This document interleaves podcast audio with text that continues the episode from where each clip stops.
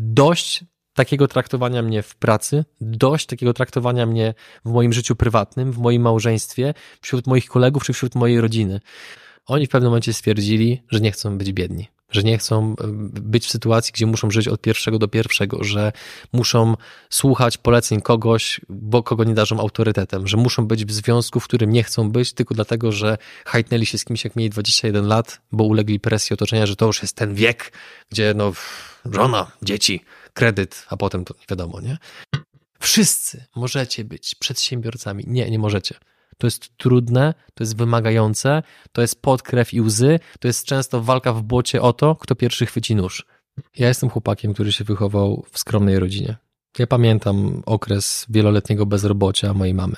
Pamiętam czas, jak tata tylko nas utrzymywał. Pamiętam, jak z powodów kompromisów finansowych musiałem chodzić w szarych dresach z okolicznego targowiska. Pozdrawiam Błonie, pozdrawiam Bydgoszcz. E, ja doświadczyłem tego przymierzenia jeansów na przemokłym kartonie na giełdzie.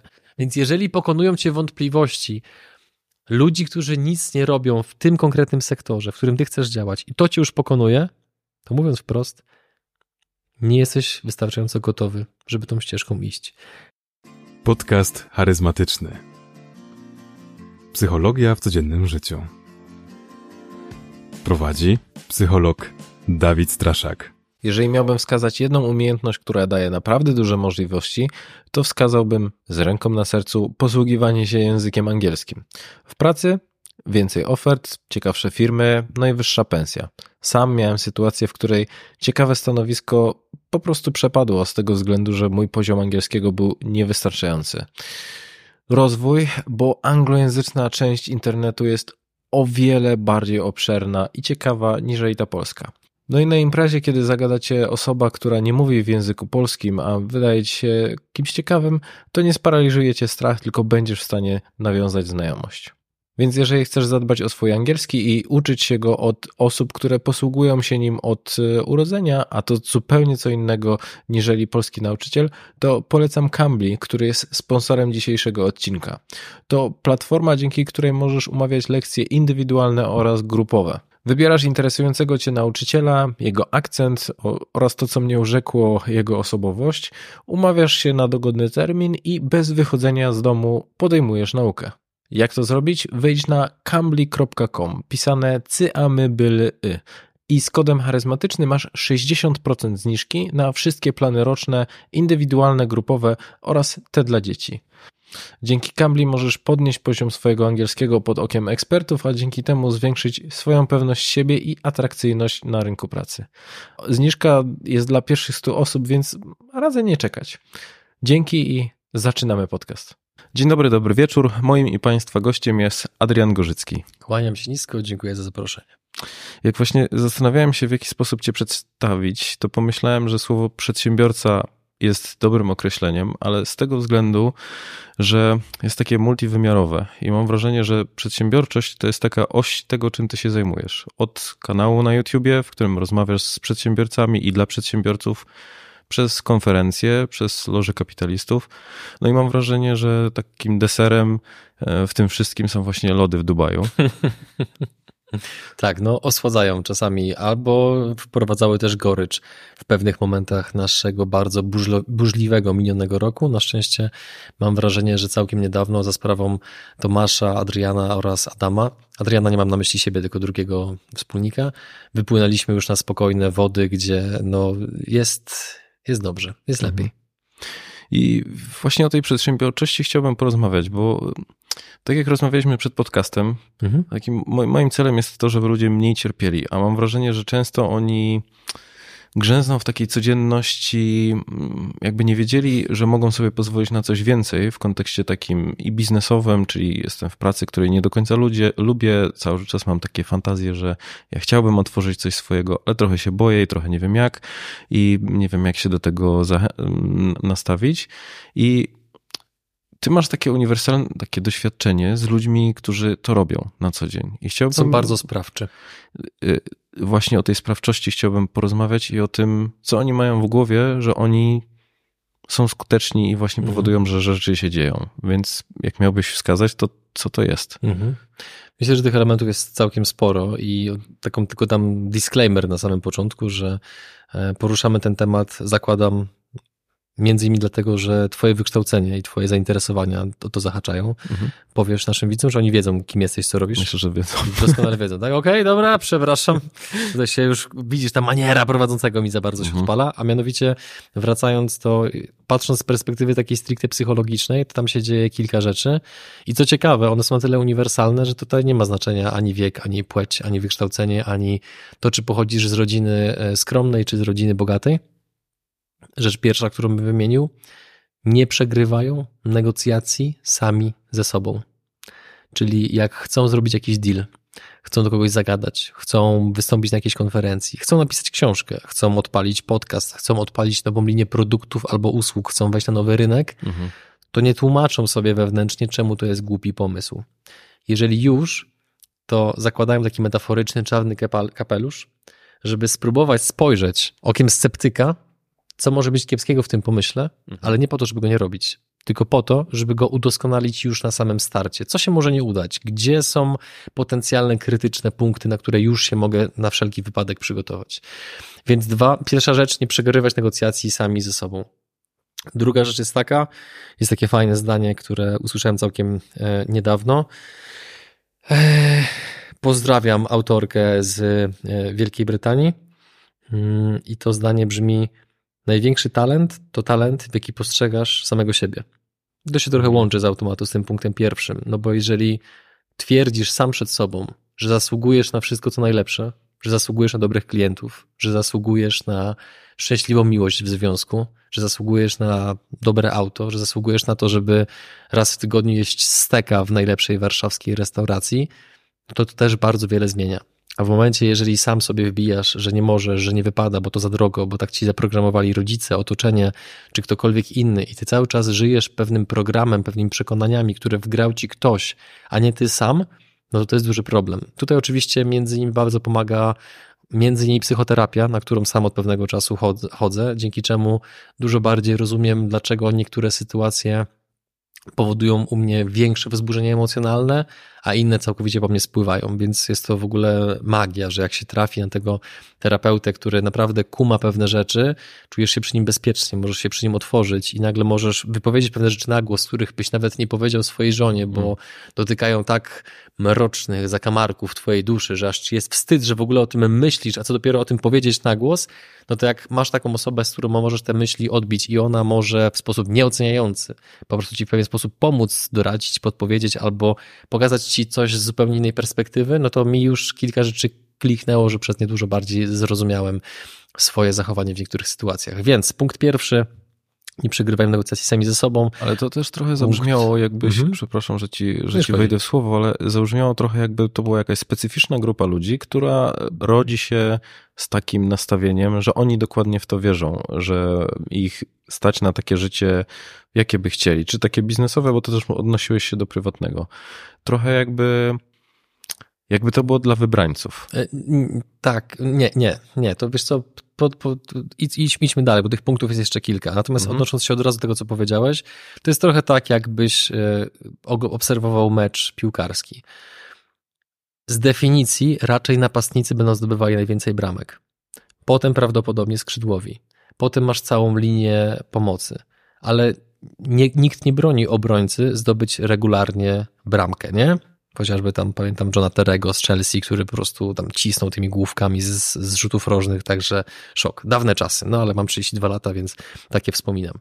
I więc każda z tych linii formacji może bramki zdobywać. Tak samo jest generalnie w życiu. Mhm. Jeżeli miałeś bardzo, jeżeli miałeś więcej szczęścia i na przykład urodziłeś się w rodzinie, w której nie psuli cię pieniędzmi, ale uczyli cię szacunku do pieniądza i szacunku do ciężkiej pracy, no to z automatu możesz być, możesz, ale nie musisz, możesz być bardziej przygotowany do tego, żeby odziedziczyć wielomilionowy majątek i potem go jeszcze przeskalować. Co tak na marginesie jest rzadszym scenariuszem niż sytuacja, w której marnotrawisz te pieniądze, no bo bardzo często niektórzy rodzice, przedsiębiorcy płacą cenę w postaci tego, że dziecku poświęcają nie dość czasu i dają mu substytuty w postaci drogiej elektroniki, jakichś tam wyjazdów czy innych gadżetów, po to, żeby skompensować swoje poczucie winy. I to nie mówię na własnym przykładzie, tylko na przykładzie rozmów z setkami osób, które przerobiłem i które cały czas przerabiam. Oni tego przed kamerą nie powiedzą, bo to jest dla nich Mhm. zbyt bolesne, ale poza kamerą mówią różne rzeczy. Więc możesz mieć więcej szczęścia, jak się rodzisz w tego typu rodzinie, ale nikt nie powiedział, że kiedy rodziniesz, rodzisz się w rodzinie takiej, która w ogóle nie ma żadnych tradycji przedsiębiorczych, tak to nazwijmy, która wręcz ma w sobie etos e, etatu, która ma w sobie etos budżetówki, że to jest w ogóle najbezpieczniejsza forma pracy. Gdzieś się zaczepić i pod tym kamieniem przeczekać nie? te 40 lat do emerytury, żeby potem w sumie uświadomić sobie, że żyłeś życiem, którego nie chciałeś. Nie mówię, że tak zawsze jest, ale no jednak bardzo często tego typu historie niestety słyszę. I tacy ludzie, zauważyłem, tutaj dochodzimy do, do kolejnej obserwacji, że wielu z tych osób, wiele z tych osób, które teraz można postrzegać jako osoby na swój sposób wybitne, ponadprzeciętne, szczęśliwie urodzone, mają, mające wrodzone talenty i tak dalej, oni w pewnym momencie doświadczyli tak skrajnej, radioaktywnej dawki negatywnych emocji, że powiedzieli dość. Dość takiego traktowania mnie w pracy, dość takiego traktowania mnie w moim życiu prywatnym, w moim małżeństwie, wśród moich kolegów czy wśród mojej rodziny.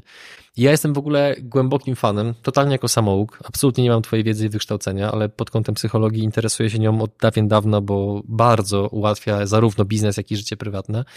To widzę, że odpowiednio ujarzmione negatywne emocje w postaci odrzucenia, upokorzenia, gniewu, frustracji, to jeżeli nad nimi mamy kontrolę, to one mają tak gigantycznie formatywny wpływ na to, jak możemy się odmienić jako ludzie w bardzo krótkim czasie, że to jest aż nieprawdopodobne. I ta zmiana może być na wielu różnych poziomach, albo po kolei, albo jednocześnie. Na poziomie tego, jak się odżywiamy, jak traktujemy sport, jak podchodzimy do finansów, jak podchodzimy do swojego rozwoju, do aspektu duchowego, do szeregu różnych rzeczy. I to bardzo często widzę u wielu tych ludzi, że oczywiście nie u wszystkich, bo każdy z nich ma trochę inne motywacje, ale u wielu z nich widzę, że na przykład oni w pewnym momencie stwierdzili, że nie chcą być biedni. Że nie chcą mm. być w sytuacji, gdzie muszą żyć od pierwszego do pierwszego, że muszą słuchać poleceń kogoś, bo kogo nie darzą autorytetem, że muszą być w związku, w którym nie chcą być, tylko dlatego, że hajtnęli się z kimś, jak mieli 21 lat, bo ulegli presji otoczenia, że to już jest ten wiek, gdzie no żona, dzieci,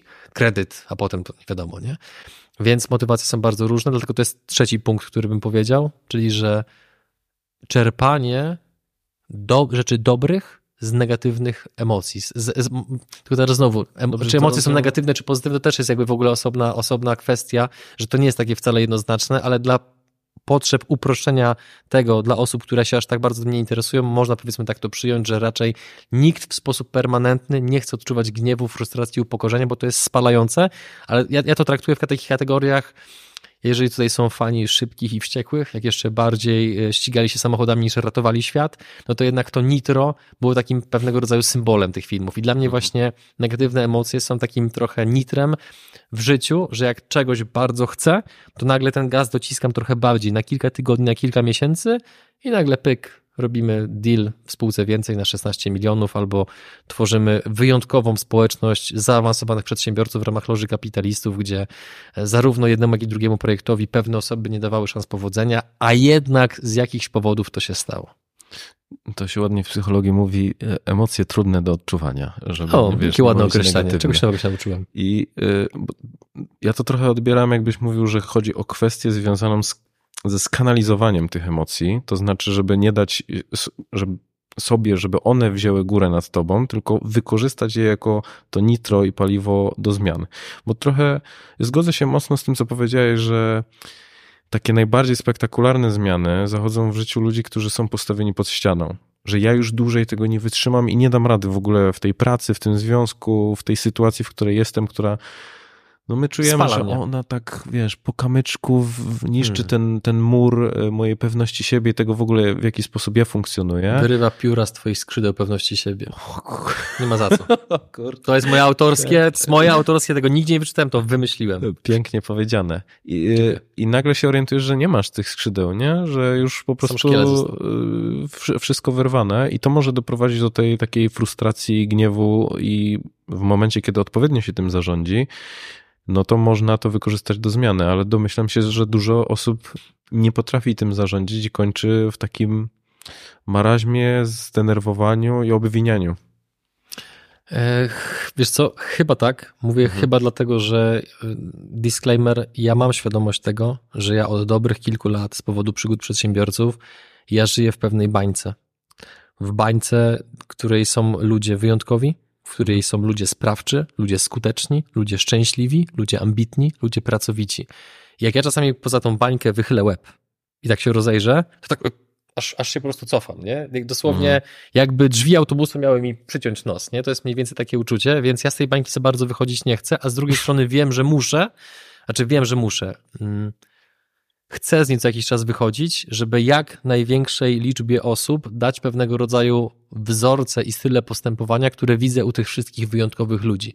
Więc Nikt mnie nie namaścił, żebym to robił, ale z racji tego, że mam świadomość swoich pewnych predyspozycji, to chcę być tak, czymś na kształt takiego pomostu, żeby jak najlepsze wzorce z tej bańki dawać jak mhm. najszerszym kręgom osób, nie po to, żeby teraz ich ewangelizować na zasadzie wszyscy możecie być przedsiębiorcami. Nie, nie możecie. To jest trudne, to jest wymagające, to jest pod krew i łzy, to jest często walka w błocie o to, kto pierwszy chwyci nóż tak często wygląda biznes. Sorry za mocne porównanie, to akurat no. nie jest moje. Ono jest z sukcesji, kiedy brat Logana tłumaczy coś tam Gregowi, jak, jak, są, jak prawdziwie działa biznes.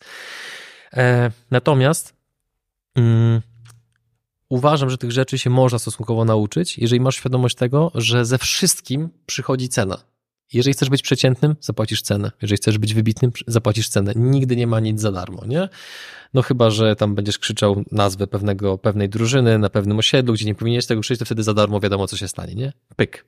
Czwarty punkt, który bym powiedział, bo podejrzewam, że byłoby ich znacznie więcej, ale to, to byśmy o tym gadali pewnie całe półtorej godziny, ale czwarty punkt, który jest takim według mnie chyba jednym z najprostszych, a z drugiej strony najtrudniejszych punktów, które mogą bardzo łatwo mieć wpływ na to, że Twoje zmiany przyspieszą w kierunku dla Ciebie pożądanym. Mhm. A mianowicie, jeżeli oczekujesz od siebie jakiegoś zachowania, jakiejś postawy, jakiegoś sposobu myślenia, to spróbuj się zastanowić, gdzie w Twoim najbliższym otoczeniu jest grupa ludzi, dla których to zachowanie jest standardem. Dla których niczym wyjątkowym nie jest to, że w sobotę o 10 rano widzicie się na siłowni i ćwiczycie razem. Że to jest po prostu coś normalnego, to jest rytuał, że dziwnym jest, że ciebie nie było. Co się stało, nie? Zachlałeś w piątek? Nie chciało ci się? Stary, było 15 osób, oprócz ciebie. Bycie w grupie dla której pewne zachowanie jest standardem, wymusza z automatu na tobie, jeżeli chcesz oczywiście w tej grupie być, dobrze tam się czujesz, lubisz tych ludzi, podziwiasz ich, to jeżeli widzisz, że normą społeczną w tej grupie jest określone zachowanie, to równasz do tego zachowania. Tak samo w drugą stronę. Jeżeli widzisz, że w danej grupie normą jest to, że jak piąteczek to ogień, jabol, amarena czy inne rzeczy, tańczymy pod sklepem z zielonym szyldem, no to znowu prawdopodobnie będziesz równał do tego, dlatego że pragniesz akceptacji, bo koniec końców jesteśmy gatunkiem stadnym, więc robimy to, co robi grupa. I teraz w momencie, kiedy mam to szczęście być na przykład członkiem loży, to w momencie, jak widzę, o czym ci ludzie ze sobą rozmawiają, o jakich ideach, koncepcjach, o skalowaniu firmy, o turbo zaawansowanym dbaniu o zdrowie, o, o kupowaniu na przykład jakichś specjalnych wanien, które mają produkować lód, żebyś mógł sobie wyrównać dopaminę i tak dalej. I, i, I znowu, to nie jest dla mnie aż taka nowość, dzięki współpracy z Sylwestrowi, z Sylwestrem i ze Sportsmenem, ale jak widzę po prostu, jakie ci ludzie mają wymagania, jak, ile oni wymagają od siebie, ile chcą od życia, że nie jest niczym dziwnym u niektórych, którzy są wielkimi fanami autoryzacji, żeby na każdy dzień tygodnia mieć inne auto. To teraz, jak z perspektywy y, y, człowieka zaczepianego na ulicy byś zapytał go o coś takiego, no to z racji tego, że jesteśmy młodym kapitalizmem, gdzie jednak idee przedsiębiorczości są na bardzo wczesnej fazie rozwoju i adopcji takiej społecznej, mhm. to nie są jeszcze Stany, gdzie najważniejszymi bohaterami świata komiksowego, Batman, Iron Man, są ludzie, za którymi stoją potężne firmy, którzy są de facto przedsiębiorcami, trochę dziedzicami, ale nadal przedsiębiorcami, genialnymi wynalazcami, inżynierami, konstruktorami i tak. To jest pewnego rodzaju pochwała dla tego stylu życia. My takich bohaterów w popkulturze jeszcze za bardzo nie mamy. W związku z tym no, raczej patrzymy w kierunku zachodu niż na swoich rodzimych bohaterów, nie? Bo ich jeszcze za bardzo nie ma, jest dopiero przed nami. I teraz w momencie, jak jesteś w tego typu zaawansowanej grupie ludzi, którzy kochają podróże, edukację, dla których słowo jest droższe od pieniędzy, to ty tym nasiąkasz. Dlaczego? Dlatego, że trochę nie masz wyjścia. Bo jak chcesz być w tej grupie, to ty musisz się dopasować do standardów, które oni wyznaczają, albo wręcz samemu te standardy podnosić, bo inaczej z tej grupy wypadniesz. Prosty przykład. Wyobrażam sobie, że gdyby ktoś na spotkaniu loży nagle stwierdził, że super pomysłem jest posypanie szczura, zostałby wyśmiany. To byłby pierwszy krok. Drugi, pewnie wyproszony z imprezy. Trzeci, dotarłby do mnie sygnał, że chyba powinniśmy podziękować temu członkowi za obecność w loży, bo nie do końca rozumie wartości, które my reprezentujemy jako grupa, nie? Więc tutaj taki apel do y, widzów, słuchaczy. Nie do końca wiem, kto jest odbiorcą tych nagrań, ale niezależnie, czy jesteś przedsiębiorcą, czy jesteś studentem, czy jesteś pracownikiem na etacie, to zawsze w każdym środowisku jest grupka ludzi, która jest na swój sposób wybitna. Jesteś studentem? Świetnie. Znajdź tych studentów, którzy się uczą najwięcej, którzy są najbardziej ambitni, którzy robią jakieś dodatkowe projekty, którzy startują w olimpiadach, konkursach, nie wiem co w tej chwili się odbywa na studiach. Z drugiej strony, jeżeli jesteś pracownikiem korpo, znajdź tych, którzy w twoim segmencie są największymi wyjadaczami. Jakby zrób co w twojej mocy, ale nie na zasadzie takiego metaforycznego i brzydkiego wchodzenia w tyłek, tylko zachowuj się w sposób taki, żeby oni czuli wartość z tego, że przebywają z tobą. Bądź uprzejmy. Bądź ciekawy tego, co oni robią. Bądź z drugiej strony pokorny. Miej pewnego rodzaju skromność. Bądź uczynny, bądź życzliwy. Czyli zachowuj się po prostu jak człowiek, którego da się polubić. Bo jeżeli to się stanie, no to prawdopodobnie zaakceptują cię do swojego kręgu i wszyscy będziecie z automatu rosnąć. I tyle. Tak samo jak jesteś przedsiębiorcą, no to niekoniecznie loża, bo też nie, nie, nie, wszyscy mogą się to nie dostać, ale znajdź środowisko ludzi, którzy ci na swój sposób imponują, którzy budzą twój respekt, twój mm. szacunek. I jeżeli ci ludzie reprezentują pewne zachowania, na których ci zależy, że chciałbyś to robić, no to to się stanie prawdopodobnie automatycznie, bo nie będziesz miał innego wyjścia. Jak grasz w jakąś grę komputerową, to, to z czasem zaczynasz używać nomenklatury, którą posługuje się ta konkretna społeczność tej konkretnej gry komputerowej, bo chcesz być postrzegany jako część tej społeczności. Nie próbujesz zawracać e, kijem Wisły i mówić zupełnie inaczej, tylko no, mówisz e, noob i tak dalej, no bo chcesz być członkiem tego środowiska. Nie? Po, powiedziałeś o dwóch ważnych aspektach i y, to może tak po kolei. Widzisz, że twoje środowisko jest tym które pije tą amarynę w piątkowe e, wieczory i czujesz, zaczynasz obserwować, słuchasz podcastów takich jak ten, że też istnieje inny świat i że ty nie chcesz być częścią tego, którym, w którym jesteś obecnie. To jak to zrobić, żeby z niego wyjść? No bo tak jak powiedziałeś, że z jednej strony mamy to takie silne społeczne wymaganie, że ja chcę być częścią danej grupy, ale ja jeszcze nie do końca mam tą kolejną. Bo nawet tak jak teraz powiedziałeś, nie, rzuciłeś tam 16 milionów, wiesz, to są abstrakcyjne rzeczy yy, i mam poczucie, że dla większości osób to jest ogromna przepaść. Dużo, yy, wiesz, teraz ludzie mają problem z tym, żeby wziąć kredyt na pół miliona, a ty mówisz o, o kwestiach obrotów mhm. liczonych w milionach i mam takie poczucie, że wiele razy ja doświadczałem takiego, takich myśli, kurde, no to jest jakby, jak ja próbuję przebiec 300 metrów, a ktoś mi mówi tutaj o, o biegach Jasne. 100 kilometrów. Czyli z jednej strony można doświadczać takiego dysonansu, że to jest tak ogromna przepaść pomiędzy mną a tym Adrianem, że to jest w ogóle nie, jakby ja nie, nie odrobię tego dystansu. To za chwilę to rozbijemy. Za, za, chwilę to rozbijemy, ale wracając do tego, do tego piątkowego wieczoru, czyli widzę, że coś jest nie tak i że ta grupa jest jak te przysłowiowe kraby w, w wiadrze, które ściągają mnie za każdym razem, kiedy ja próbuję wyjść, to co byś poradził takim ludziom, którzy czują, że trzeba uciekać z tego środowiska, ale oni jeszcze nie mają tego alternatywnego? To nie jest prosty proces. Od tego zacznijmy. I jeszcze zanim odpowiem na to pytanie, to powiem tylko tak, że ja jestem chłopakiem, który się wychował w skromnej rodzinie. Ja pamiętam okres wieloletniego bezrobocia mojej mamy. Pamiętam czas, jak tata tylko nas utrzymywał. Pamiętam, jak z powodów kompromisów finansowych musiałem chodzić w szarych dresach z okolicznego targowiska. Pozdrawiam Błonie, pozdrawiam Bydgoszcz. E, ja doświadczyłem tego przymierzenia jeansów na przemokłym kartonie na giełdzie i mówię o tym dlatego, że jeżeli ja byłem w stanie osiągnąć jakiś tam poziom życia, mówię jakiś tam celowo trochę sobie umniejszając, bo znowu, jak przybywasz w odpowiednim środowisku z ludźmi, którzy mają aspiracje, żeby zbudować firmę przekraczającą miliard przychodu, no to myślisz sobie, no okej, okay, żyje mi się całkiem komfortowo, ale można jeszcze wyżej, można jeszcze bardziej. Oczywiście to nie jest jedyna sensowna droga, no bo ja po prostu jestem akurat typem, który chce zobaczyć, jak wysoko się mogę wspiąć. Natomiast jest masa ludzi, którzy osiągnąwszy pewny poziom, są szczęśliwi, spełnieni i to też jest ok, nie? Więc y, nie dajcie się zwariować, że jest tylko jedna słuszna droga, że wzrost za wszelką cenę, to the moon i jakoś to będzie. No, no nie, Wiesz po prostu... Co? Pamiętam, że na, na, studiach z psychologii ekonomicznej mówiono nam o takiej grupie, która najczęściej właśnie zajmuje się nieruchomościami i giełdą, która pyta na ile chciałaby zarabiać, to zawsze odpowiada dwa razy więcej niż obecnie. Czyli mhm. jest po prostu jakiś procent ludzi, którzy są jakby wiecznie nieusatysfakcjonowani tym, ile zarabiają i ile mają. Więc myślę, że to po prostu tak. To też są osoby. Powiem przewrotnie. Całe szczęście, że tacy ludzie są, bo ci, którzy są na tyle, nazwijmy to, e, mają takie predyspozycje intelektualne, aby być gotowym poświęcić swój komfort i swoje życie prywatne na rzecz tego, żeby osiągać pewne cele, to są często ludzie, którzy popychają całą cywilizację do przodu, mhm. dlatego że gonią swoje marzenie i potem oczywiście są przez różne środowiska przedstawiani jako ludzie, którzy poświęcili rodzinę, jedno, drugie małżeństwo, źle wychowali dzieci i tak dalej. E, zachęcam, żeby spojrzeć na tych ludzi trochę bardziej przychylnie, bo mm, może są szczęśliwi, może są nieszczęśliwi, ale nie można im odmówić tego, że ich upór i determinacja spowodowały, że jako cywilizacja coś osiągnęliśmy, ale żebyśmy za daleko nie odbiegli. Więc ja byłem gościem, który doświadczył różnych tego typu właśnie zdarzeń, natomiast przebywanie w odpowiednim środowisku oraz upór przez, uwaga, minionych 10 lat. Ja nie jestem jakiś overnight coś tam, nie? Nawet celowo używam, unikam słowa success, więc ja nie jestem żaden overnight, ja jestem ten years straight, nie? Jak mówiąc ładnie, z, z akcentem wschodnim.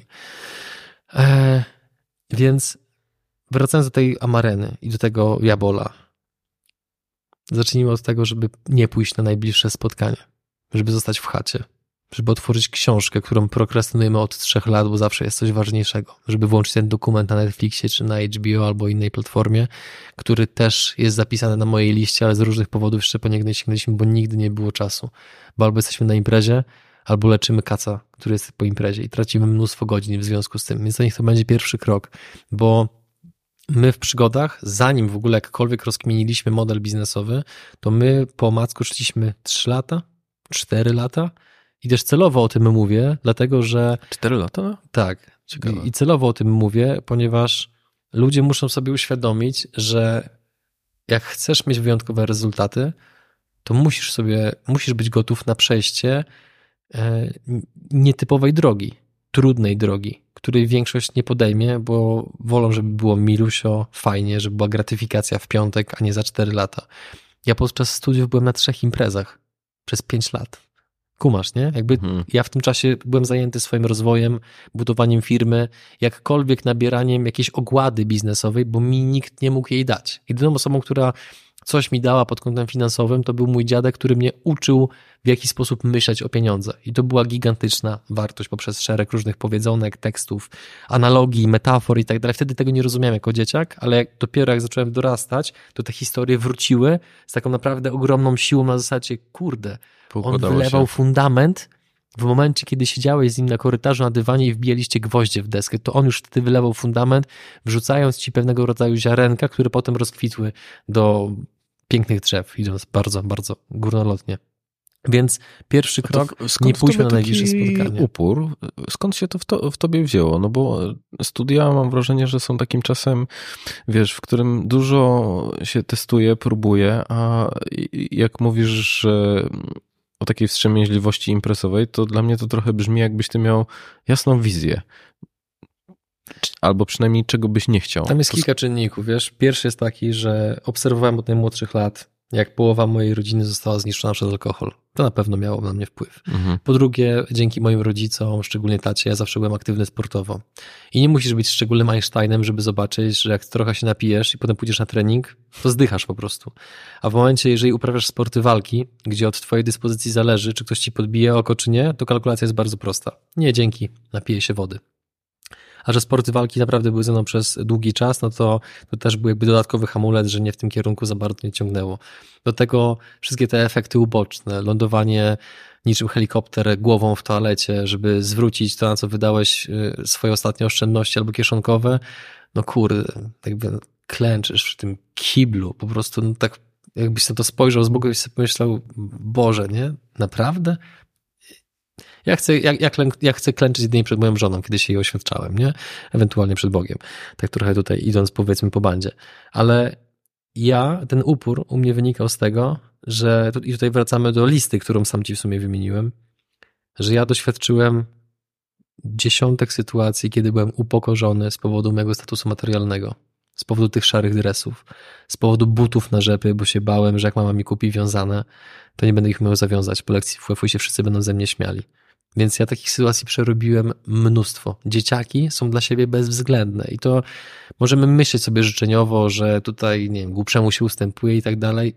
Dla mnie to jest pieprzenie, nie? To, to koniec końców to no, dzieciaki myślą zupełnie innymi kategoriami, są na maksa brutalne i dopiero ogłada przychodzi z wiekiem. Więc ja te wszystkie sytuacje to przerobiłem w taki sposób, że zamiast nagle się odizolować od ludzi, bo są tacy i owacy, nie, to był taki po prostu okres w życiu i tyle. Uważam, że z definicji nikt nie jest zły. Po prostu niektórymi ludźmi targają emocje pewnej niekontrolowanej frustracji, gniewu, a wiadomo, że jak ktoś się czegoś boi, to staje się agresywny. Bo nikt z natury nie jest tak agresywny dla bycia agresywnym, to jest bardzo spalające, to jest bardzo energochłonne. Więc jak ktoś jest agresywny, to pytanie, co tam się dzieje z tyłu? Może jakieś długi? Może matka chora? Może jego dziecko ma nieuleczalną chorobę? I tak dalej, i tak dalej. Głęboko wierzę w to, że to też jest w sumie, no podejrzewam, że na psychologii tego uczą stosunkowo wcześnie, że zachowanie człowieka nie wynika bezwzględnie z jego charakteru, ale w dużym stopniu wynika z kontekstu, w którym ta osoba jest. Dzisiaj jesteś najbardziej uczciwym, lojalnym i szczerym człowiekiem, a jak już jest zagrożone, zagrożony byt twojej rodziny, to odpali się w tobie zwierzę, które zrobi być może różne rzeczy, o których byś siebie dzisiaj nie podejrzewał, mm. nie? Więc jak patrzę na czyjeś zachowania, tak jak w którym ktoś jest miejscu, to zawsze staram się mieć dość dużo wyrozumiałości dla tej osoby i się zastanawiam, z czym ona walczy, gdzie są jej demony, jakie są hamulce, które, które ta osoba ma, z którymi ona się zmaga, może nawet ich nie widzi. Jakie są niewidzialne kajdany, które ktoś jej dawno temu założył poprzez szereg różnych przekonań, dziwnych wartości, jakichś takich e, mega toksycznych zdań typu pieniądze szczęścia nie dają, na układy nie ma rady i te wszystkie inne bzdety, które słyszeliśmy od sfrustrowanych ludzi, którzy odpuścili swoje marzenia stosunkowo szybko, nie? Więc ja te wszystkie negatywne emocje po prostu przekułem w to, w połączeniu z tym, czego uczył mnie dziadek, w połączeniu z tym, jak bardzo na edukację stawiali moi, moi rodzice, że powiedziałem sobie, że nie ma szans, że ja umrę biedny. Nie ma kurde szans, że umrę biedny. I będę po prostu tak długo drapał, aż znajdę na tyle dużo wiedzy, kompetencji, umiejętności, które wbuduję w siebie, że z jednej strony grupa wyjątkowych ludzi zaakceptuje mnie, i będzie chciała ze mną przebywać w jednym pokoju, bo uważam, że tak jak czasami mm, w niektórych jakichś tam kręgach słyszę, czy jakieś, widzę na jakiejś grupie na, YouTube, na, na, na Facebooku jakieś takie narzekania, że tutaj, że walka o akceptację innych ludzi jest takie, takie płytkie, że to przede wszystkim powinieneś kochać siebie. Zajebiście. Ale znowu, wracając do czasów dzieciństwa i grania w piłkę na osiedlu. Jak nie byłeś przydatny dla drużyny, to w najlepszym razie było gruby na bramkę, a w najgorszym razie nikt nie dzwonił domofonem, żebyś szedł z niej pograć, bo byłeś za słaby. Więc ja koniec końców wolę raczej walczyć o to, żeby oni chcieli po mnie zadzwonić i doprowadzić do tego, że to wręcz ja będę tym, który decydował, po kogo dzwonimy, a po kogo nie dzwonimy. Kto wyznaje nasze standardy, a kto ich nie wyznaje. Więc moja motywacja jest stosunkowo prosta. Uważam, że żyjemy w cudownych czasach. Żyjemy w gospodarce, która pomimo szeregu różnych wyzwań i mankamentów, które ma, stwarza gigantyczne możliwości. Żyjemy w bardzo bezpiecznym kraju. Żyjemy w czasach gigantycznej dostępności do internetu, w czasie przełomu technologicznego, jaką jest e, sztuczna inteligencja, w czasie otwartych granic, dostępu do służby zdrowia, edukacji, do dróg ekspresowych. No naprawdę, jakby zacznijmy widzieć, że szklanka jest do połowy pełna, a nie pusta, bo zawsze możemy dostrzec braki. Zawsze na imprezie jakaś, jakaś osoba nam się nie spodoba. No ale 9 na 10 okazuje się bardzo przyjemnych, fajnych, uśmiechniętych. Zawsze będzie coś, co nam przeszkadza. Jeżeli całe życie będziesz skupiał się na kamyku w bucie, a nie na tym, że wszystko inne się zgadza, no to jak masz być szczęśliwy? No myślę, że to taki ewolucyjny mechanizm, że zwracamy uwagę na to, co na nie działa. Nie, to pozwala nam przetrwać. Dużo przyszedłeś, co? Fajnie było. Fajnie było. Wróćmy do tej amareny. Myślałem, że jakoś coś polejesz tutaj tak dalej. Nie, dziękuję. E, nie idę pierwszy, drugi, trzeci raz, tam mówię, że jestem chory, że mam coś do załatwienia. No i oni nagle zaczynają pytać, nie? Co tam jest, Adrian? Czemu? Co, kumple ci śmierdzą? E, tak się mówi, nie? Mm. E, I co? Ciekawe wyrażenie, pierwszy raz je słyszę, ale no brzmi ciekawie. No. I co wtedy? Nie? Czyli jeżeli często te osoby e, nie mają w sobie takiej pewności, asertywności, żeby konfrontować się z tymi ludźmi. I też e, już próbowali kilka jakichś, wiesz, pojedynczych stwierdzeń, ej, a może pójdziemy pobiegać, albo zrobimy coś innego dla odmiany, e, a nie znowu będziemy się, mhm. będziemy żłopać browary. No i to nie spotykało się ze zrozumieniem. To jak, jak się oddalać od tej grupy? Ta grupa sama cię odrzuci jak będziesz wystarczająco odmienny. Jak zaproponujesz to, co powiedziałeś, chodźmy pobiegać, chodźmy na trening jiu-jitsu, pójdźmy do kina, bo jest ciekawy, inspirujący film. Albo wiesz co, wpadnij do mnie, zaparzę miętę, weź sobie twoją ulubioną książkę i w ciszy przez godzinę razem będziemy czytać. Jak zaproponujesz takie rzeczy, będziesz turbo dziwakiem. Mhm. I z automatu oczywiście... Sam nie wiem, czy bym się zgodził, jakbyś mi zaproponował miętę. Ja to już robiłem kilka razy z wieloma znajomymi. Fantastyczna rzecz, mhm. bo w ten sposób tworzycie pewnego rodzaju standard, który nagle razem wyznajecie, no i przez tą godzinę, jak się umawiacie, że nikt się nie odzywa i razem czytacie, no to stary, przerobisz 50, 80 stron książki i potem nagle macie o czym też podyskutować. O czym ty czytałeś? O czym ja czytałem? I nagle wchodzisz na pułap ludzi, do których aspirujesz, bo ludzie, do których aspirujesz, nie rozmawiają o innych ludziach. Rozmawiają o pomysłach, ideach, wiedzy, edukacji, planach, ambicjach, marzeniach, o tym rozmawiają. I to jest jakby kolejna różnica, gdzie jak nawet jestem w towarzystwie, to wystarczy mi 5 minut, żeby zobaczyć, kto o kim gada, o czym gada no to nawet jak wczoraj miałem okazję, pozdrawiam cię Piotr, e, miałem okazję być właśnie u jednego z członków loży na kolacji, zostaliśmy na noc, no to to były dyskusje, które trwały od piątej po południu do drugiej nad ranem, ciągiem. Tam, tam, tam nie było przerwy, nie? Chyba, że szedłeś do toalety. I tam była non-stop rozmowa o ideach, o edukacji w Polsce, edukacji za granicą, o wyższości jednej marki motoryzacyjnej nad drugą, nad genezą technologii, jaką każda z tych marek operuje, o różnego rodzaju postaciach historycznych w Polsce, które były próby usunięcia ich w ogóle ze, z kart historycznych, jak chociażby pułkownik czy generał Wieniawa, o którym się wczoraj dość, dość dużo usłyszałem. Więc zupełnie inna kategoria tematów. Nie było rozmów na zasadzie ty, a tam tamten kupił Omegę. Kurde. No, ciekawe skąd to wziął pieniążki. W ogóle czegoś takiego nie było. Mhm. Kupił Omega, czemu nie Rolexa? Nie, bo on już Rolexa ma. Okej, okay, spoko. Więc y, tutaj nie chcę tego za bardzo sprowadzać do spraw materialnych, bo po prostu one dla pewnych ludzi są tak naturalne, jak punkty w grze komputerowej. I tyle, bo to jest skutek uboczny twojej skuteczności, twojej sprawczości.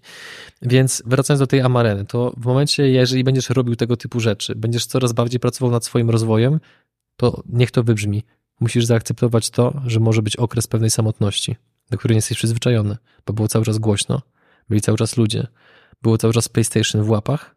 Nie ma nic złego w PlayStation. Tak na marginesie ja trochę tęsknię za graniem w gry komputerowe i muszę to zmienić.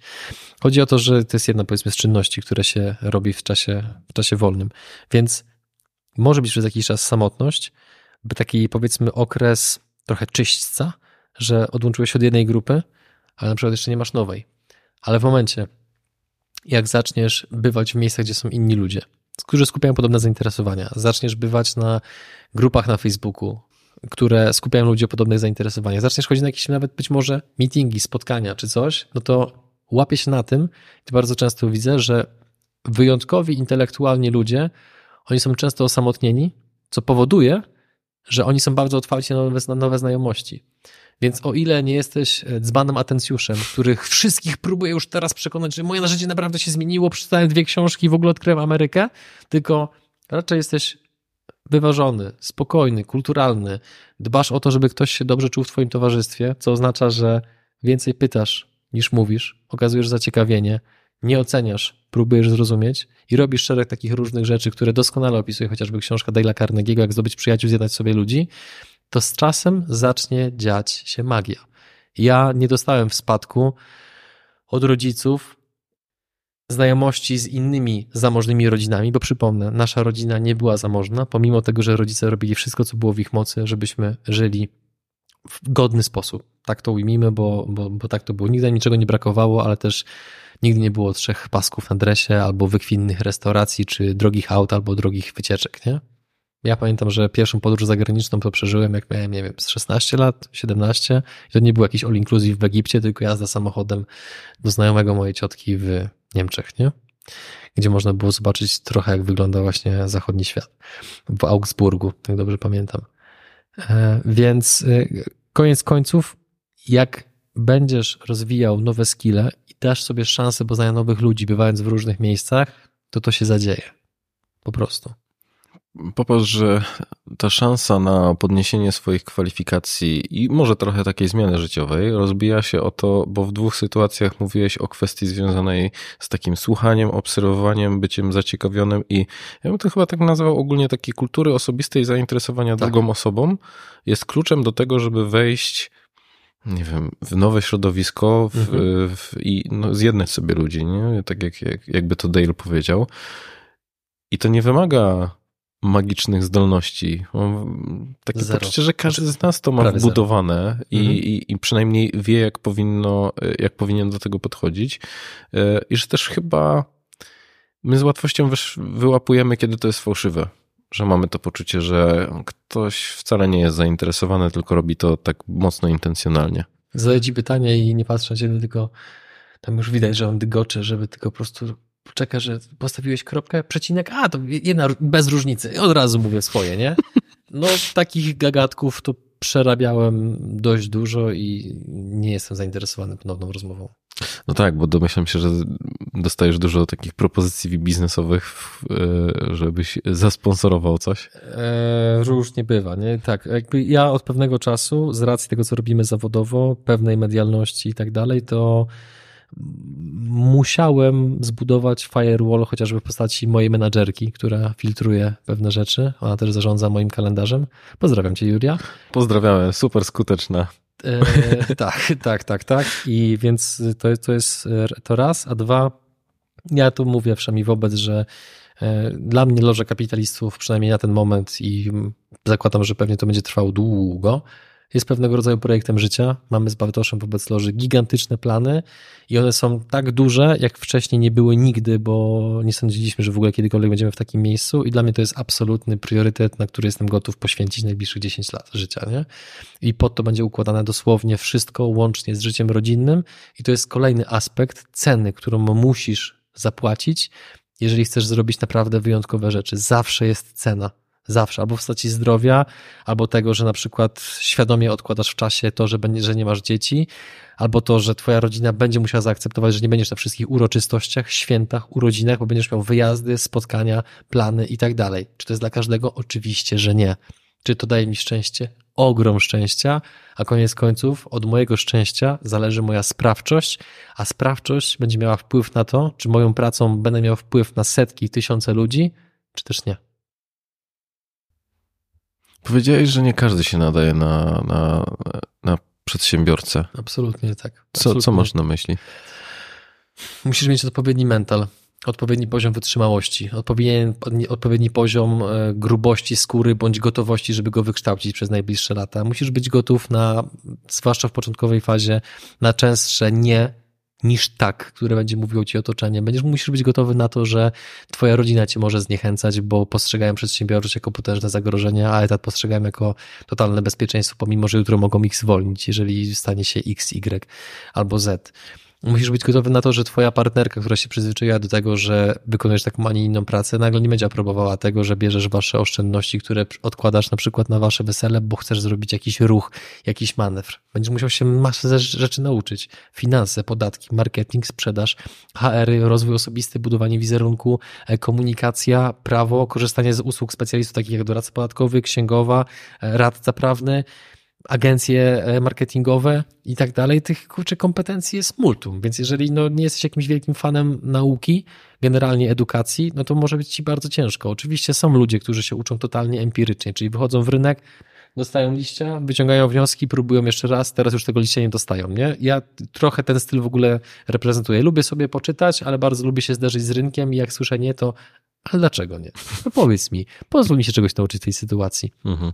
Więc ogrom rzeczy, które musisz przyswoić, jest kolosalny. I jeżeli się niektórym wydaje, że biznes to jest wzięcie auta w leasingu i tylko pokazywanie paluszkiem, co kto ma robić, to, to, to nie, tak to wygląda na memach. Na memach to stuprocentowo tak wygląda, ale w prawdziwym życiu musisz mieć łeb jak sklep, żeby to wszystko ogarnąć. Do tego jeszcze musisz odpowiednio dobrać wspólników, pracowników, musisz de facto zarządzać też poniekąd i dbać o ich stan emocjonalny, o to, czy u nich wszystko gra, musisz być z nim w dialogu, musisz do, do, dopasować ich predyspozycje do odpowiedniego stanowiska pracy, musisz kumać to, że ich życie prywatne może mieć wpływ na waszą y, sytuację firmową, na jego życie zawodowe i tak dalej, i tak dalej. Więc to jest, to jest, kurde, to jest jazda bez trzymanki. To jest pójście na Hyperion w Energylandii i nie zapięcie pasów. To miała być motywująca rozmowa, Adrian. To ma być, to ma, to ma być postawienie sprawy jasno, w totalnej opozycji do tego, co mówią różnego rodzaju sprzedawcy szkoleń, którzy chcą, żebyś to kupił tylko po to, żebyś został przedsiębiorcą, bo twierdzą, że każdy może nim być. I żeby było jasne, nie ma nic złego w szkoleniach. My sami prawdopodobnie ten, ten, ten, ten segment będziemy bardzo mocno odpalali, ale tak jak wszystko, co robimy, zrobimy to zupełnie inaczej, w totalnej prawdzie i transparentności, nie czarując ludzi. Na zasadzie to nie jest dla każdego. Możemy dać Ci pewną wiedzę, pewne narzędzia od najlepszych ludzi, bo przygody przedsiębiorców powodują, że mamy dostęp do takich ludzi, ale nie czarujmy się. Jeżeli nie wykonasz pewnej pracy, jeżeli nie zapłacisz pewnej ceny, nie finansowej, bo ona, ona ma, to jest najmniejszy koszt, który masz do poniesienia. Zmiana stylu życia, zmiana sposobu myślenia, zaakceptowanie bycia odrzuconym przez Twoje aktualne środowisko prywatne, rodzinne i tak dalej, to jest prawdziwa cena, którą przychodzi zapłacić większości przedsiębiorców i nikt się na to nie skarży. O tym, nikt o tym publicznie nie mówi, bo przedsiębiorca prawdziwy z krwi i kości, który ma tą odpowiednią glinę, to on nie, potem nie wychodzi i nie płacze, że ojej, żona mnie nie akceptuje czy coś. Nie. On zamyka przyłbicę i robi swoje. I dźwiga to. I oczywiście czasami to doprowadza do rozwodów. Czasami to doprowadza do tego, że nagle tracisz kontakt z rodziną. No bo jeżeli twój status majątkowy rośnie i potem na spotkaniu rodzinnym słyszysz przytyk, że ty, a biznesmen, taki tani prezent kupiłeś matce? To taka rzecz rozrywa ci serce na pół, że ty wiesz, ile poświęcasz godzin od poniedziałku do piątku, również weekendami. Często nie śpisz, bo myślisz o biznesie, a potem ktoś to sprowadza do, do tego, że zapłaciłeś za małą daninę rodzinną, żeby kupić akceptację czy coś innego, więc jest ciemna strona przedsiębiorczości, która nie jest instagramowa, więc my chcemy być jednymi z niewielu, którzy o tym mówią głośno i wyraźnie, żeby do tego świata przychodzili ci, którzy naprawdę chcą mieć sprawczość i gigantyczny wpływ na rzeczywistość, bo przedsiębiorczości to daje. Oczywiście etat też to ci daje w pewnym wymiarze, ale uważam, że chyba nie aż tak dużym, po prostu jak biznes. Natomiast to jest super trudna gra. I z mojej, z mojej perspektywy przedsiębiorcy to jest elita społeczeństwa. I to jest bardzo może być źle odebrane w naszym tutaj klimacie, gdzie cały czas już e, słyszę te komentarze pisane. Hołbimy lekarzy, prawników i tak dalej, chirurgów. Jasne, to są też ważni ludzie. Ale to przedsiębiorca napędzany chęcią dobrobytu, zmiany swojej sytuacji materialnej, bierze jakąś technologię i nagle ją komercjalizuje. Nagle powoduje, że z czegoś korzystają setki, tysiące ludzi. Więc nawet jeżeli nie jesteś stricte przedsiębiorcą, to jeżeli chcesz coś zrobić, co będzie miało większy wpływ niż na twoją okolicę, to musisz mieć w sobie przedsiębiorcze cechy, bo tego po prostu jakby wymaga działanie w jakiejś tam większej skali, w jakiejś większej sprawczości.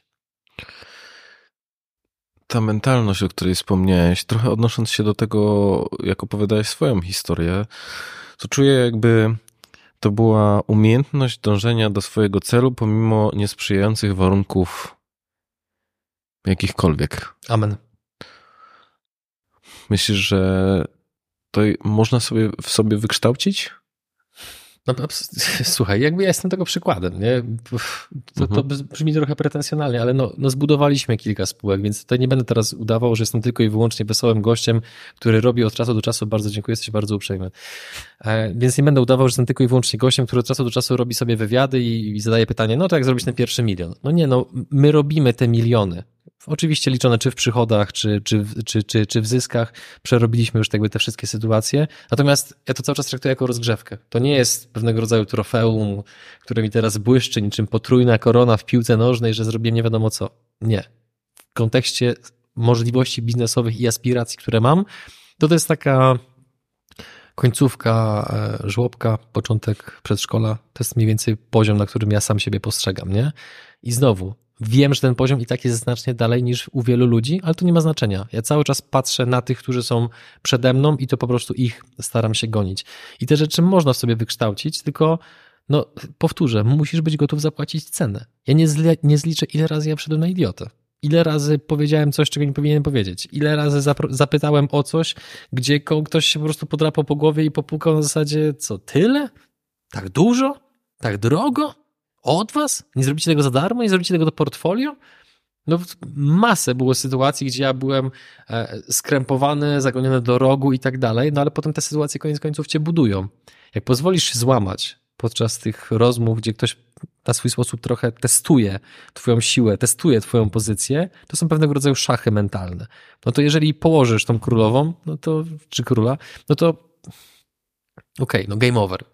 Ale jeżeli po prostu trwasz i nawet poobijany cały czas się podnosisz, to nawet jeżeli druga strona widzi, że jesteś początkującym, to czuje respekt wobec ciebie, bo się podniosłeś. Po kolejnym strzale, po kolejnym trudnym pytaniu, po kolejnej wątpliwości, że cały czas idziesz do przodu, bo ten upór to jest. Ja w ogóle ja kocham tę cechę, nie? Po prostu za każdym razem, kiedy jakiś przedsiębiorca opowiada o sytuacji, kiedy on był Dawidem, a naprzeciwko niego stał Goliat, ja się po prostu rozpływam. To są historie, przy których ja przestaję mrugać, żeby ani jeden bit informacji nie umknął. Tak bardzo mnie to jara, bo mam wrażenie, że to jest taka e, cecha nad cechami, że jak ją w sobie masz, albo nawet jej nie masz, ale chcesz ją rozwinąć, na zasadzie mówisz sobie, co by się nie działo, to będę po prostu szedł do przodu. Nieważne, ile dostanę po drodze ciosów, obelg, komentarzy, hejterskich uwag, wątpliwości, podkreślania, że się nie nadaje, bo jestem za wysoki, za niski, za chudy, za gruby, za biały, za czarny, za biedny, za bogaty, to i tak będę szedł do tej linii mety. To jak ten upór w sobie wykształcisz i zobaczysz z czasem, że to kurde zawsze działa. Nawet jak sobie wymyśliłeś drogę, że pójdziesz od A do C, przepraszam, od A do D i po drodze przejdziesz przez C i podczas tego, będąc przy C, dostałeś liścia. Rzeczywistość mówi, nie, nie, nie, drogi widzę, nie tędy droga. Robisz krok wstecz i idziesz przez B. O, okazuje się, że przez B do D też dojdę. I dla, dlaczego przeszedłeś? Bo był ten upór. I tak działa to we wszystkim. Słuchaj, zebraliśmy 8 baniek na lody. Słyszałem, jak to robiłem, że nikt tej kasy nam nie da. Sprzedaliśmy nieruchomości za 16 milionów, gdzie słyszałem, że co, przy takiej rentowności nikt tego nie kupi i tak dalej. Parę takich osób było, wbrew pozorom, nawet z mojego bliskiego kręgu. Jak robiliśmy wywiady, to też słyszałem przez długi czas, że może jakaś normalna robota, że wiesz, z tego się nie da wyżyć i tak dalej. No, patrz teraz, nie? Pozdrowienia. Do widzenia. E, więc za każdym razem były wątpliwości. I powiem więcej. Te wątpliwości to jest błogosławieństwo. Dlaczego? Dlatego, że gdyby wszyscy ludzie, których znasz, byli zajebiście uparci, super pewni siebie, śmiali i odważni, to konkurencja byłaby tak mordercza, że to byłby problem dla psychiki. A w momencie, jak są te wątpliwości, które są naturalnym filtrem, który niczym miotła odgania z automatu większość potencjalnej konkurencji, to jest więcej tlenu do oddychania w tym konkretnym sektorze. Więc jeżeli pokonują cię wątpliwości ludzi, którzy nic nie robią w tym konkretnym sektorze, w którym ty chcesz działać i to cię już pokonuje, to mówiąc wprost, nie jesteś wystarczająco gotowy, żeby tą ścieżką iść. A jeżeli lejesz na te wątpliwości i stwierdzasz, jak w pokerze, sprawdzam, kto wie, może się okaże, że druga strona ma słabsze karty. Może tylko blefuje. Może rzeczywistość nie wydaje się aż tak straszna, jak mogłoby się wydawać. Może ja mam dobre karty w ręce. Może moje predyspozycje, talenty i pragnienia są na tyle silne, że dźwignę, że ogarnę, że się nauczę. I sam fakt tego, że robisz sprawdzam, bardzo często powoduje, że nagle dogadałeś się z Mercedesem, dogadałeś się z Mariotem, zrobiłeś różne rzeczy, pomimo tego, że otoczenie ci mówiło, nie, co? Nie ma szans. Sprawdzam. Zdrowie. Cheers, jakby powiedzieli Niemcy. Przypominam, że sponsorem dzisiejszego odcinka jest Cambly i z kodem charyzmatyczny macie 60% zniżki na wszystkie plany roczne na naukę języka angielskiego. Wiesz, myślę, że ja tu się chętnie podzielę swoją historią to chyba z rok temu pisałem do ciebie maila e, po posłuchaniu jakiegoś e, wywiadu chyba z Przemkiem, w którym pomyślałem sobie, ja już byłem trochę na takim etapie, że odpuszczam podcasty. O, chyba to trzeba po prostu zaorać, do niczego to nie doprowadziło. No i y, tam wspominałeś o kwestii związanej właśnie z, z uporem, z tym, że nagrywałeś po kilka y, odcinków dziennie. Pomyślałem sobie, w ogóle jak to jest możliwe, że ktoś tak potrafi. No, mnie na tamten moment jeden wykańczał. I Mój rekord 7, nigdy więcej. No, y, y, może dla tych osób, które nie miały nigdy do czynienia z czymś takim, to jest bardzo obciążające psychicznie, pod naprawdę jest. wieloma względami. Chociażby to, że cały czas biją wam lampy w oczy i zastanawiacie się, czy sprzęt jest włączony, czy nie zadzwoni domofon, y, czy, czy jeszcze coś złego się nie wydarzy. E, ale wracając do, do, do, do tej historii, pomyślałem, no dobra, to zróbmy tak, że zrobimy takie, takie właśnie małe sprawdzam. Zepnę się i zacznę publikować co tydzień z jakąś taką dużą nadwyżką i dajmy sobie, no nie wiem, taki rok, że trochę jak na takiej zasadzie, że będę to robił i zobaczymy, co z tego wyniknie. Jakby przy założeniu, będę miał jakieś ogólne założenia i, i jakoś to może będzie. No i yy, to była najlepsza decyzja w moim życiu. Brawo. Yy, bo jesteśmy tutaj teraz, rozmawiamy ten podcast już powoli się zamienia w coś, co umożliwiałoby mi tak naprawdę nie zajmowanie się niczym innym. E, więc e, no dzięki, nie? Bo gdyby nie, nie, nie twoje historie, to też miałbym takie poczucie, że, że nic z tego nie, nie będzie. Zwłaszcza, że co było też dla mnie zaskakujące, że wiele osób, które i ja szczerze wierzę, że to one chciały dla mnie jak najlepiej, nie dawało wiary, że to mogłoby się w jakiś sposób sprawdzić, a nie byłoby niczym innym niżeli jakieś hobby albo zachcianka. I to też było dla mnie zaskakujące, że mimo tego, że ludzie naprawdę chcą dla ciebie jak najlepiej i cię wspierają i mogą też nie do końca widzieć sensowność w twoich działaniach, to czasami po prostu mimo tego trzeba powiedzieć: okej, okay, ja zrobię po swojemu. Mhm. Kiedyś słyszałem powiedzenie, obiecałem sobie, że nie przeklnę w tym wywiadzie, ale tutaj pozwolę sobie zrobić wyjątek. E, to powiedzenie jest mm, bardzo e, silną, odważną, bezczelną e, manifestacją tego, co teraz powiedziałeś, że a propos, że zrobię po swojemu. Słuchajcie, są dwa sposoby, żeby coś zrobić. Albo mój, albo chuj. I jak to kiedyś usłyszałem, to mówię, okej, okay, to chyba czasem trafnie opisuje moje nastawienie w niektórych sytuacjach. No więc może ktoś też zaczerpnie z tego zdania pewną głębię, którą ja też zaczerpnąłem. A nie boisz się, że ten upór cię zgubi? To znaczy, że w pewnym momencie trochę taka obawa, która się we mnie pojawia, jest związana z tym, że nawet według tego pięknego powiedzenia, które zaprezentowałeś, że to trochę bezkompromisowo podchodzisz do i omnipotentnie, że ja wiem najlepiej i będę realizował swoją drogę. Z jednej strony dużo mówiłeś o tych liściach od życia i wyciągania wniosku i zastanawiania się, jakby mogło być lepiej, ale w pewnym momencie ten świat się zaczyna naginać trochę do ciebie. Bardzo dobrze. Nie uważam, że wiem wszystko najlepiej. Uważam, że będę spra sprawdzał tak długo, jak mi starczy pary, tchu i tak dalej. Mhm. Do tego e, trochę zaczyna działać efekt kuli śnieżnej. Jak poznajesz odpowiednią liczbę osób, służysz tym osobom, jesteś e, otwarty, szczery, godny zaufania, dotrzymujesz słowa, dotrzymujesz terminu, to nagle masz może przychylnych ci ludzi, którzy jeszcze otwierają ci więcej drzwi, żebyś mógł czynić jeszcze więcej dobra. I to jest akurat ta jasna strona przedsiębiorczości. I odpowiedziałbym takim porównaniem, że wyobraźmy sobie znowu piłka nożna, sport chyba dość e, znany w naszym kraju. Wyobraźmy sobie, że bierzemy napastnika, dla którego sensem życia jest zdobywanie bramek. I tak jak zapytałeś mnie, czy to mnie nie zgubi, no to taki napastnik mógł dostać pytanie, a nie obawiasz się, że próbując zdobyć kolejnego hat-tricka w meczu, e, ktoś ci wiedzie ślizgiem i będziesz miał zerwane więzadła krzyżowe w kolanie i będziesz wyłączony na pół roku, rok, albo może już nigdy nie zagrasz w piłkę. Wiesz, ja nie chcę, ja nie chcę grać bezpiecznie. Moja droga, którą idę, nie jest drogą dla większości ludzi, bo ja robię, znowu trochę używając terminologii pokerowej, ja idę e, all in. Ja mam tego absolutną świadomość. Oczywiście, czy mam życie prywatne? Kurde, zajebiste. Nigdy nie było lepsze.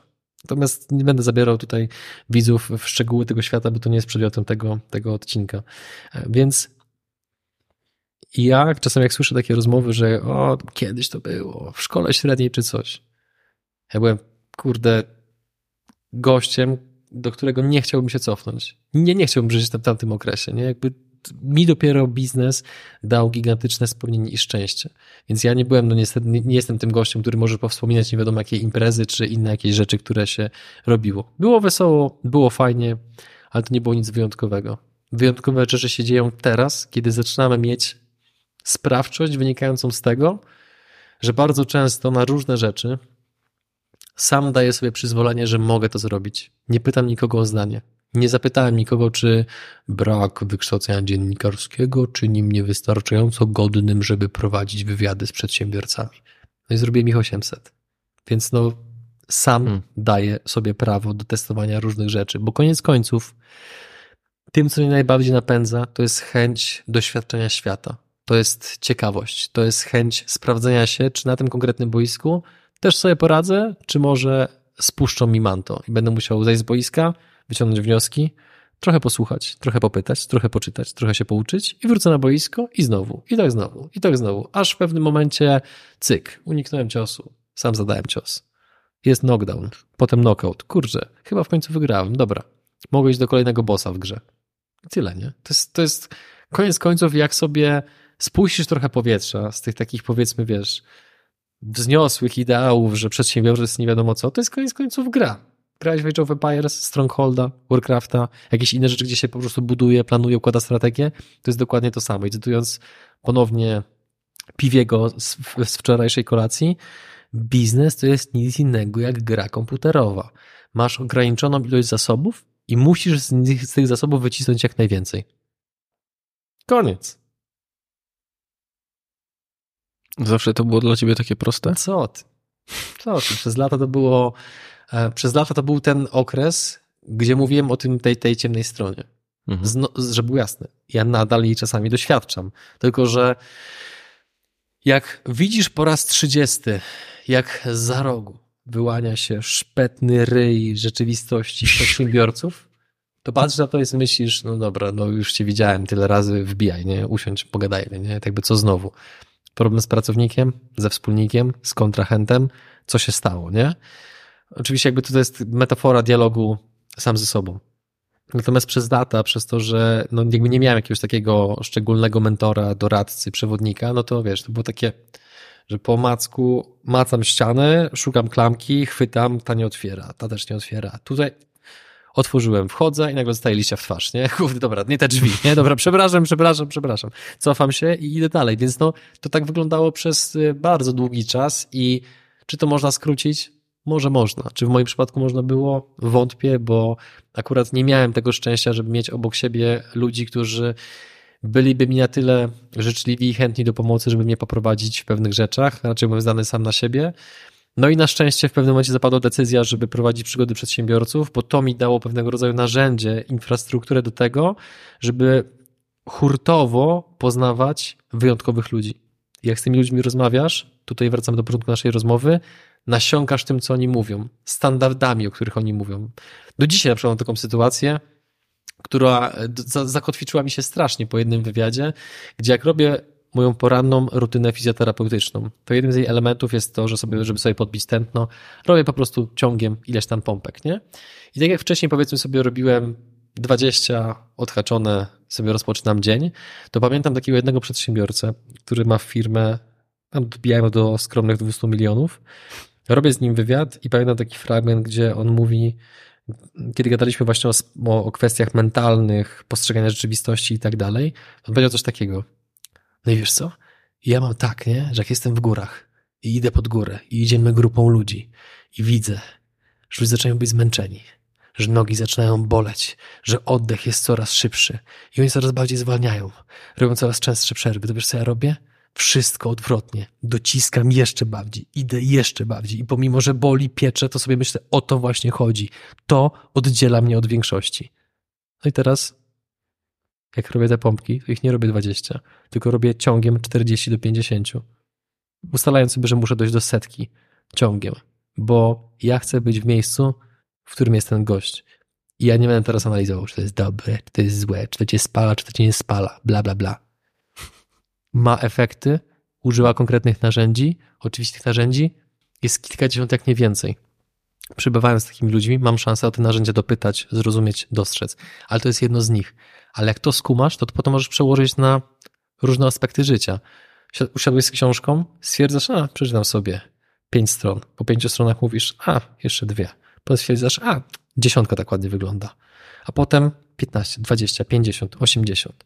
I nagle zrobiłeś 8 razy, czy tam 16 razy większą pracę niż pierwotnie zakładałeś. I w ten sposób to te granice możesz przekraczać w dowolnej dziedzinie, która jest dla ciebie pożyteczna z perspektywy celów, które masz wyznaczone. No i tu jest znowu pewnego rodzaju cena, którą musisz zapłacić, bo przez to, że przeczytałeś 80 stron tej książki, posłuchałeś audiobooka, zrobiłeś cokolwiek innego pożytecznego dla ciebie, to w tym czasie nie wyszedłeś na to piwo, czy tą amarenę. Po prostu, nie? Zawsze jest cena. Większość nie będzie gotowa jej zapłacić. Większość, to co teraz powie, powiedziałem, będzie odbierała jako taką powiedzmy coachingową gadkę, bo jest to standardowy mechanizm obronny większości ludzi, żeby spłycać, co robią ludzie ponadprzeciętnie skuteczni. A że mnie to po prostu jara, to mówię dla tych kilku, kilkunastu osób, które coś z tego do siebie wezmą i stwierdzą, kurczę, już chciałem z czegoś rezygnować, ale może pociągnę jeszcze pół roku, może pociągnę jeszcze rok. Nie? I teraz zobacz, przez to, że ja gdzieś tam sobie gadam, to ty zrobiłeś przez ten czas masę dodatkowych nagrań, które miały wpływ na dziesiątki, setki, jak nie tysiące osób i każdy z nas zrobił de facto coś dobrego. To jest super, nie? I to jest też taki apel do przedsiębiorców, którzy może to będą oglądali. Słuchajcie, wśród wielu z was są ludzie mądrzy, pracowici, wybitni, elokwentni. Wielu z was niepotrzebnie sobie umniejsza, że nie jesteście gotowi, żeby wyjść przed kamerę. Wielu z was uważa, że jesteście za mali, żeby wyjść przed kamerę. Tylko pamiętajcie, że jak dotrzecie do momentu, kiedy macie firmę 50, 100 milionów, 200 milionów, to to jest już tak abstrakcyjny poziom dla większości ludzi, że bardzo ciężko wam będzie opowiedzieć szanownemu prowadzącemu, co zrobić, żeby przekroczyć pierwsze 100 tysięcy, pierwsze pół miliona, pierwszy milion. Mówię o tym dlatego, że zachęcam was, abyście jak najszybciej przed tą kamerę trafili, czy tutaj, czy w innych programach, żeby się dzielili swoją wiedzą, no bo przez to, że jesteśmy młodym kapitalizmem, to jeżeli my jako przedsiębiorcy nie będziemy chcieli pokazać, co się dzieje na zapleczu naszej kuchni, to skąd ci wszyscy ludzie mają czerpać wzorce? Od internetowych szamanów, którymi wy sami pogardzacie, którymi ja pogardzam? Oni mają przestrzeń, dlatego że wy nie chcecie jeszcze wyjść przed kamerę. Więc gorąco rekomenduję, żebyście wychodzili i chociaż opowiedzieli swoją historię. Nie róbcie z siebie guru. Ja wiem, że tego bardzo nie lubicie, ale opowiedzcie swoją historię, jak zrobiliście X, Y i to już będzie naprawdę wystarczające. Prawda? Prawda, bo ja też z przedsiębiorcami miałem taki problem, że pracowałem długo w takiej restauracji snobistycznej. Yy, znaczy, Czemu takie słowo? Yy, Wyrafinowanej, wyjątkowej, drogiej. Wiesz co? Myślę, że takie piętno odcisnęli na, na mnie ci ludzie, z którymi, okay. którzy tam przychodzili. Klienci pracownicy? Y, klienci, pracownicy to wiesz, to normalka, ale y, chodzi o kwestię związaną z takim traktowaniem innego człowieka. Wiesz, jak to jest y, w niektórych sytuacjach, że mówi się o tym, że to jak traktujesz mhm. kelnera albo tam no, człowieka na niższym stanowisku dużo mówi o tobie. I, Nie robię interesów z ludźmi, którzy źle traktują kelnerów albo osoby, które wykonują no, jakby zawody, które postrzegamy jako proste, one nie są proste, one są bardzo wymagające. Natomiast tutaj od razu powiem, że wiem, że istnieje taka, taka grupa, nazwijmy to nowobogackich dupków, ale jest też masa ludzi zamożnych, którzy e, podchodzą pełni szacunku do tego, jak ktoś wykonuje zawód e, kelnera, sprzątacza, czy jakichkolwiek innych, które są często w tego typu historiach przytaczane. I właśnie na takich, e, na takich się natknąłem. Oczywiście wiadomo, że była ta grupa, o której ty mówisz, która wiesz, rzeczywiście przyjeżdżała tam i było, wiesz, zachowywali się jak najbardziej w porządku, ale ta grupa nowobogackich dupków e, była taką że za każdym razem, kiedy ja rozmawiałem z tymi ludźmi, to ja miałem takie silne poczucie, że tam jest taka jedna wielka analiza, jak wykorzystać tą drugą osobę. Czy ty przypadkiem czegoś nie powiesz, co można by było wykorzystać, żeby obniżyć ten rachunek, albo w ogóle, nie wiem, dostać jakieś danie dodatkowe. Pamiętam, że to jakoś tak Dla mnie to było bardzo obciążające. Oni często tam mieli jakieś takie zorganizowane imprezy i w, znaczy obciążające przez to, że jakiś taki. Niekomfortowe. Niekomfortowe, to znaczy, że zas, zaszczepiło we mnie taki obraz przedsiębiorców, którzy mają bardzo dużo, no bo jakby wiesz, dysonans ogromny pomiędzy tym, że ktoś przyjeżdża Maybachem, a tutaj próbuję tak zrobić, żeby tą skrzyneczkę wódki jeszcze po tej imprezie, e, no przecież my zamówiliśmy więcej alkoholu niżeli nam tutaj wydajecie, nie? Czyli wykłóca się o coś, co było tam warte, nie wiem, 500 zł docelowo. E, I to we mnie zaszczepiło jakiś taki obraz przedsiębiorców, którzy są przedsiębiorcami za cenę kogoś. To znaczy, że y, ja albo ty że mój komfort i moje pieniądze e, będą za cenę Twojego komfortu albo Twojej pracy. I pamiętam, że w jednej z rolek też wspominałeś o tym, że mm, to jest mm, taka trochę spuścizna poprzednich, poprzednich czasów, w których mm, poziom, z którego wychodzisz w kontekście negocjacji, bardzo dużo warunkuje, jak możesz je, je, je kończyć. Ja pamiętam, że to były negocjacje, w których ja zawsze wychodziłem z poziomu kolan. Więc one nigdy nie mogły się dobrze skończyć. Mhm. I y, bardzo dobrze, że o tym powiedziałeś, bo mm, mm, myślę, że przygody przedsiębiorców w jakiś sposób to, to we mnie odczarowały, a z drugiej strony zawsze z takim bardzo dużym dystansem podchodziłem do tych ludzi, bo miałem poczucie, że zaraz będzie jakaś próba wykorzystania takiego, a co pan jeszcze ma do zaproponowania? Jakiś gratizik? E, czy takiego niezrobienia obopólnego e, biznesu, który, żebyśmy byli usatysfakcjonowani, tylko wykorzystania drugiego człowieka. Czy to powiem krótko na tą historię, bo wielokrotnie mam jakby styczność z tym tematem. W każdej grupie społecznej pojawiają się jednostki, które prezentują zachowania, które potem są źródłem anegdot, legend, memów, historii.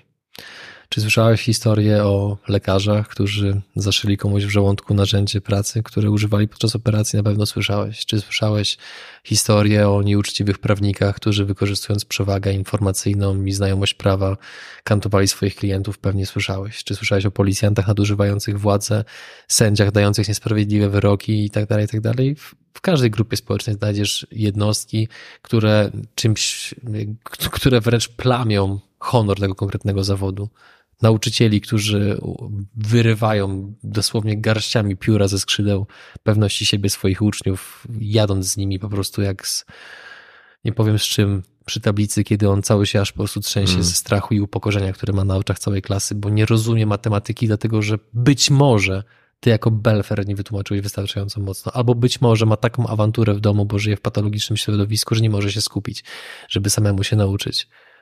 Więc w każdej grupie są tego typu zachowania, które uważam, że trzeba na swój sposób potępiać, a jednocześnie y, ja bardzo cenię sobie przebywanie w środowisku.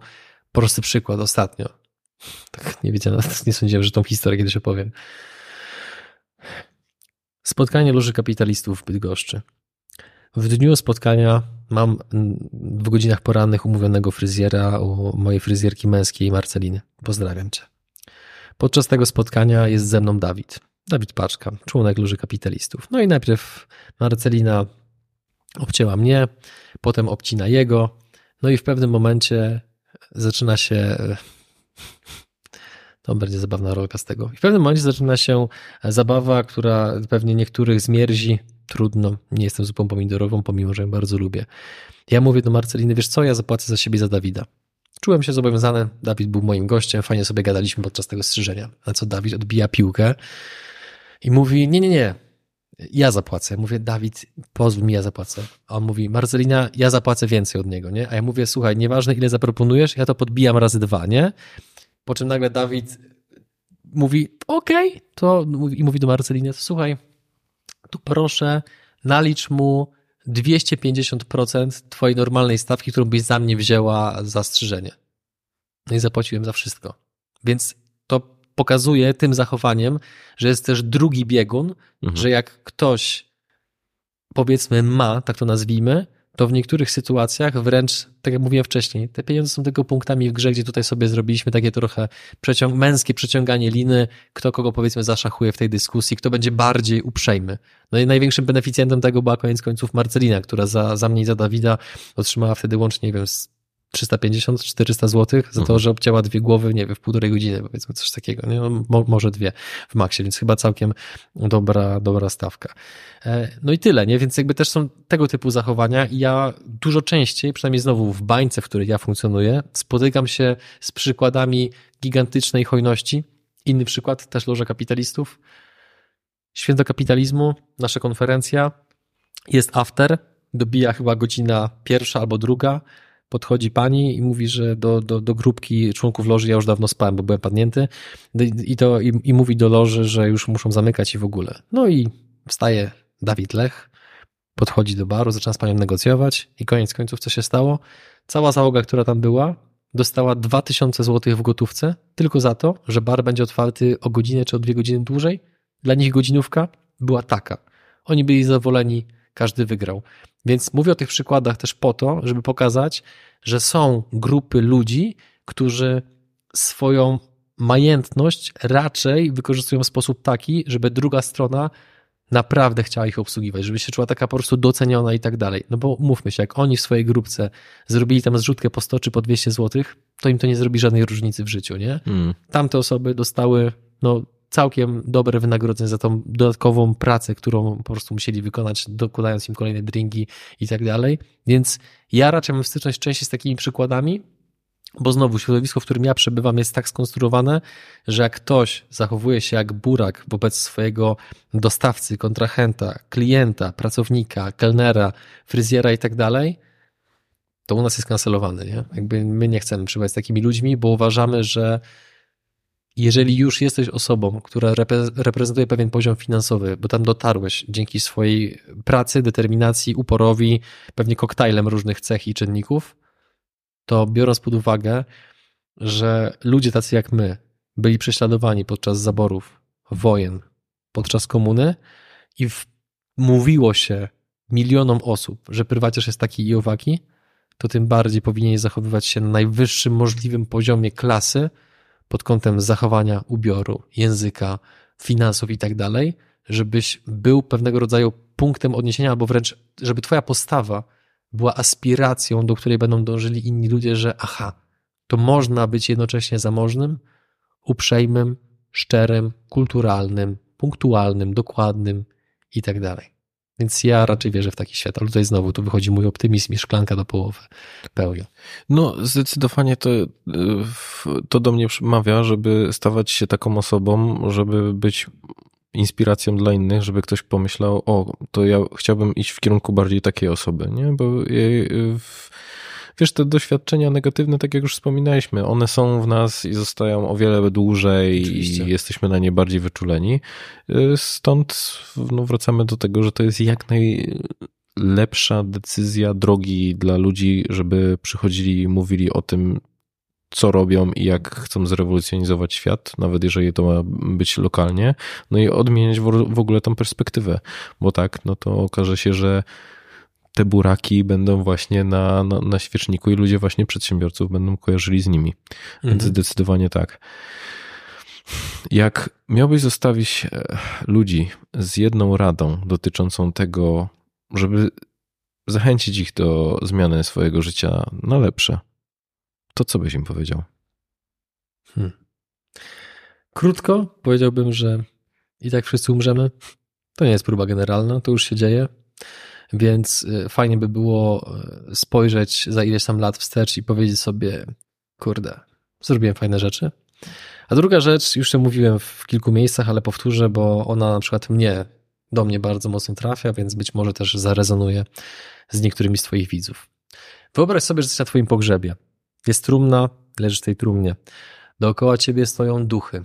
Duchy, które reprezentują Twój niespełniony potencjał, możliwości, ambicje i marzenia. Te duchy patrzą w Twoim kierunku i mówią: Przyszliśmy do Ciebie, kiedy się urodziłeś. A Ty przez te wszystkie lata nie zrobiłeś nic, żeby powołać nas do życia. I teraz, razem z Tobą, sfrustrowane, pełne gniewu i cierpienia, musimy położyć się również do Twojej trumny.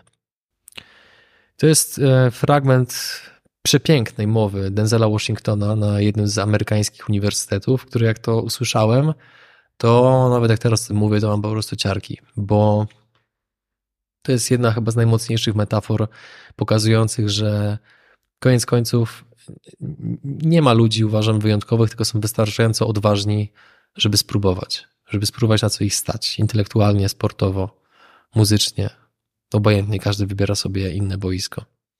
Więc wracając do początku, że skoro i tak wszyscy umrzemy, i to jest z grubsza raczej pewne, chyba że technologia się bardzo do tego czasu zmieni, no to zakładamy przyłbicę, bierzemy tarczę, miecz i idziemy w teren, nie?